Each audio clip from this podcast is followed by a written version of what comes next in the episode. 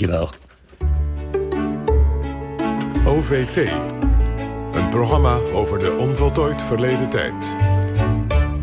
Je zou het een vorm van nationale nostalgie kunnen noemen. Het terugverlangen van China naar die gouden oude tijd... waarin het nog niet onder invloed stond van westerse mogendheden. Het is de tijd van voor de Eerste Opiumoorlog met Engeland in 1840... toen volgens China de zogeheten Eeuw van de Vernedering begon. Sinds 1840 hebben we voortdurend moeten strijden, zo sprak de leider van China, Xi Jinping, een paar jaar terug. En hij vervolgde: Maar nu doet zich het schitterend vooruitzicht voor van de grote heropleving van de Chinese natie. We voelen allemaal dat dit doel nu dichterbij is dan op welk ander tijdstip in de geschiedenis. En in het boek De Wederopstanding, jawel, De Wederopstanding van China, beschrijft Frans Paul van der Putten de geschiedenis van de opkomst, of misschien moeten we zelfs zeggen de terugkeer van China als wereldmacht. En Frans Paul van der Putten is coördinator van het Klingendaal China Center en bestudeert al ruim 20 jaar China. Frans Paul, welkom, goedemorgen. Jouw boek gaat over een actuele vraag. En toch, eh, eh, namelijk de vraag: wat betekent de opkomst van China voor het Westen? En je gaat die vraag beantwoorden door naar de geschiedenis van China in te gaan voor 1840. Want die schijnt heel relevant te zijn. Wat maakt die geschiedenis van voor 1840. Vanaf 1840. Uh, vanaf 1840, ja. Uh, zo relevant, dankjewel, Julie. Uh, zo relevant voor ons om China te begrijpen. Ja, ik denk dat uh, die, die, je, moet, je moet goed zien wat de identiteit is van een land. De manier waarop China zich nu en in de toekomst gaat gedragen... is natuurlijk een wisselwerking tussen allerlei omstandigheden... en de, de identiteit van het land. De, die omstandigheden die kennen we nog niet, dat is allemaal in de toekomst. Maar de identiteit van het land kunnen we wel kennen. En dat is door goed te kijken naar hoe het land uh, ontstaan is, hoe het land zich gevormd heeft. De geschiedenis van China is natuurlijk heel lang, dus we moeten eigenlijk heel ver teruggaan. Maar de integratie van China in de moderne internationale wereld uh, begint vooral uh, vanaf 1840 uh, duidelijke vorm te krijgen. Dus vandaar. Ja, en je begint het boek dus inderdaad in 1840, in het jaar wat Xi Jinping in zijn speech, waar we net uit citeerden, uh, de, ook, ook aanhaalde. En wat, wat maakt dat 1840 zo belangrijk? Was het een rampjaar voor China? 1840 was een rampjaar voor China, of laat ik zeggen, dat was uh, het moment dat de Eerste Opiumoorlog begon. En dat duurde twee jaar, dus het is eigenlijk 1840, 1842. Maar um, dat is een grote omwenteling. Dat is voor China. Um, daarvoor was het, was het uh, een land wat uh, internationaal gezien in een comfortabele positie zat. En na die Eerste Opiumoorlog. eigenlijk krijg je dan een hele aaneenschakeling van allerlei rampen die China overkomen. In, inderdaad, een hele periode lang. Waarna China eigenlijk pas weer, vrij recent, pas weer in de jaren tachtig van, van de 20e eeuw, weer in een rustig vaarwater terecht is gekomen. Ja, en nog even om naar die opiumoorlog toe te gaan. Uh, het, het, gaat om een, een, oorlog met de Engelsen die. Uh, die willen in handel, kunnen drijven met China. En die uh, vallen een aantal steden binnen. En eigenlijk lukt dat ze vrij gemakkelijk. En ze weten dan een verdrag met de Chinezen af te sluiten. onder voor hen hele gunstige voorwaarden. Um, wat zo opvallend is als je daarover leest in jouw boek, is dat je denkt: hoe is dat eigenlijk mogelijk? Je hebt een enorm wereldrijk. Uh, eh, 430 miljoen inwoners heeft, eh, kent China op dat moment, een derde van de hele wereldbevolking.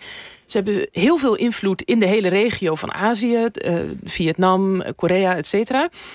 En toch worden ze onder de voet gelopen door wat jij beschrijft: iets van 100 schepen en een paar duizend Engelse grondtroepen. Hoe kan dat? Die opiumoorlog kwam voor de, voor de Chinese regering volstrekt uit de lucht vallen. Die kwam uit het niets, kwam daar plotseling... inderdaad kwamen daar die Britse marineschepen uh, voor de kust liggen... en die begonnen een aanval op Chinese, uh, Chinese steden.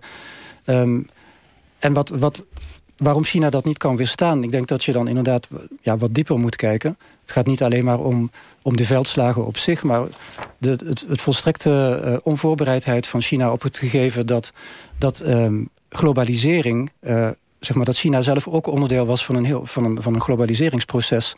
Waar, waarvan het, waardoor China geïntegreerd was geraakt in de wereldeconomie. En China als grootste economie ter wereld op dat moment een bijzonder grote rol speelde voor een heel ver landje, namelijk Groot-Brittannië. Uh, dat, dat zelf net bezig was um, militair en technologisch heel sterk te worden. Uh, en dus de Britten hadden de Chinese markt nodig en waren ook sterk genoeg uh, om die Chinese markt open te breken Dus, en de Chinese regering zag dat helemaal niet aankomen. Ja, en, en wat doet het dan met China, deze, deze, dit verliezen van die opiumoorlog? Is dat, brengt het een shock teweeg die, die, waar ze honderd jaar mee bezig zijn om dat boven te komen? Wat, wat gebeurt er met hun zelfbeeld? Het bracht een shock teweeg in slow motion. Want de eerste reactie op die opiumoorlog was... Ehm, oké, dit hadden we niet zien aankomen. Dit was, dit was raar, dit was vervelend. Maar goed, we kunnen dit wel aan. En, uh, want China is toch ja, zo groot en zo sterk... en heeft al zo'n lange geschiedenis. Zo'n zo'n tegenslag kunnen we ook wel verwerken. Dat komt wel goed. En pas decennia, zeg maar in de loop van de decennia die volgden op die opiumoorlog, begon steeds meer door te dringen. Eerst binnen de politieke elite en later pas, echt veel later pas ook binnen de bevolking. Uh, dat er, dat er echt wat fundamenteels aan de hand was en dat China echt een probleem had en dat daar echt ook hele ingrijpende aanpassingen voor nodig waren. En jij zegt zelf van dat het, het grootste probleem eigenlijk is inderdaad dat gebrekkige zelfbeeld of de gebrek aan realiteitszin dat China had.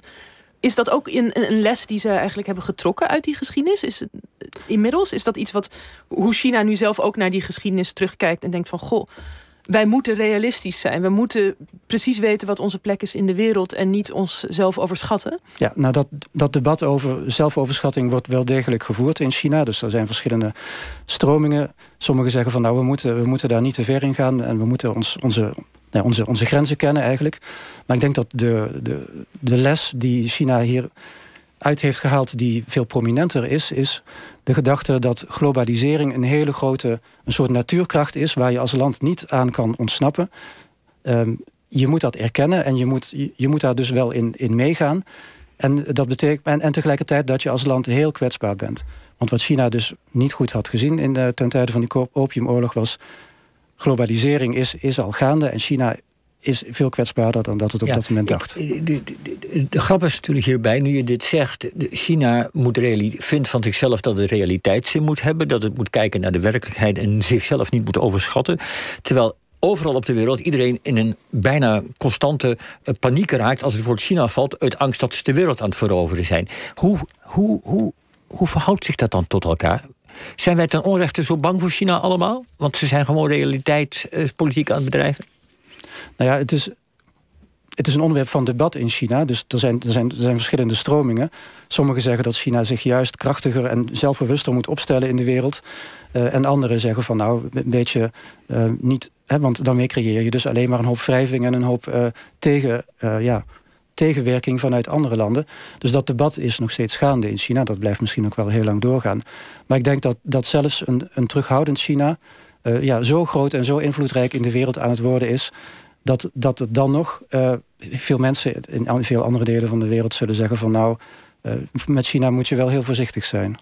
En je eindigt het boek ook met een hoofdstuk over wat die wederopstanding van China gaat betekenen voor Europa. Misschien. Hè? Uh, en je spreekt daarin op het einde, dat vond ik heel opvallend om te lezen. Ik geloof de laatste zin van het boek. Zeg je zoiets van: Nou, ik hoop dat Europa behoed zal blijven voor het soort pijnlijke ervaringen dat China vanaf 1840 heeft ondergaan er staat ons misschien ook een soort eeuw van vernedering te wachten? Is dat hoe jij naar Europa kijkt? Ja, nou, een eeuw van vernedering, dat is wel heel concreet. Maar um, kijk, wat, wat er toen gebeurde in de 19e eeuw... waar China niet voldoende op in heeft gespeeld... is uh, de hele snelle uh, technologische ontwikkeling... die was ontstaan als gevolg van de industriële revolutie... die in, in Groot-Brittannië begonnen was. Uh, in combinatie met het, het geopolitieker worden van, van de wereld... Dus er was al een wereldomspannend handelssysteem. China maakte daar deel van uit. Maar in de 19e eeuw begon er ook een, een, een wereldwijd geopolitiek systeem te ontstaan. Dus het maakte wat uit wie, uh, wie machtig was in welke regio. En landen, Groot-Brittannië als eerste en daarna andere landen, gingen dus op, op, op mondiaal niveau ook machtspolitiek bedrijven. Nou, China had die boot zeg maar, aanvankelijk gemist en heeft, ja, is dat nu aan het inhalen en zegt van nou dat gaat ons niet meer overkomen. Maar de vraag is inderdaad voor ons, voor Europa, dit is ook een tijdperk van snelle technologische ontwikkeling en snelle geopolitieke veranderingen in de wereld. Uh, of wij daar wel voldoende bewust van zijn uh, en of daar voldoende op inspelen. En ik denk uh, dat dat voor Europa heel moeilijk is, omdat wij eraan gewend zijn dat wij toch altijd ja, heel lang een comfortabele positie in de wereld hebben gehad. Ja. dat is een mooi, ja, toch een opvallende gedachte dat misschien wij nu met, met diezelfde zelfoverschatting uh, kampen als uh, China toen. Uh, dank Frans Paul van der Putten van het Klingendaal China Center. En we praten dus over je boek De Wederopstanding van China, van prooi tot wereldmacht.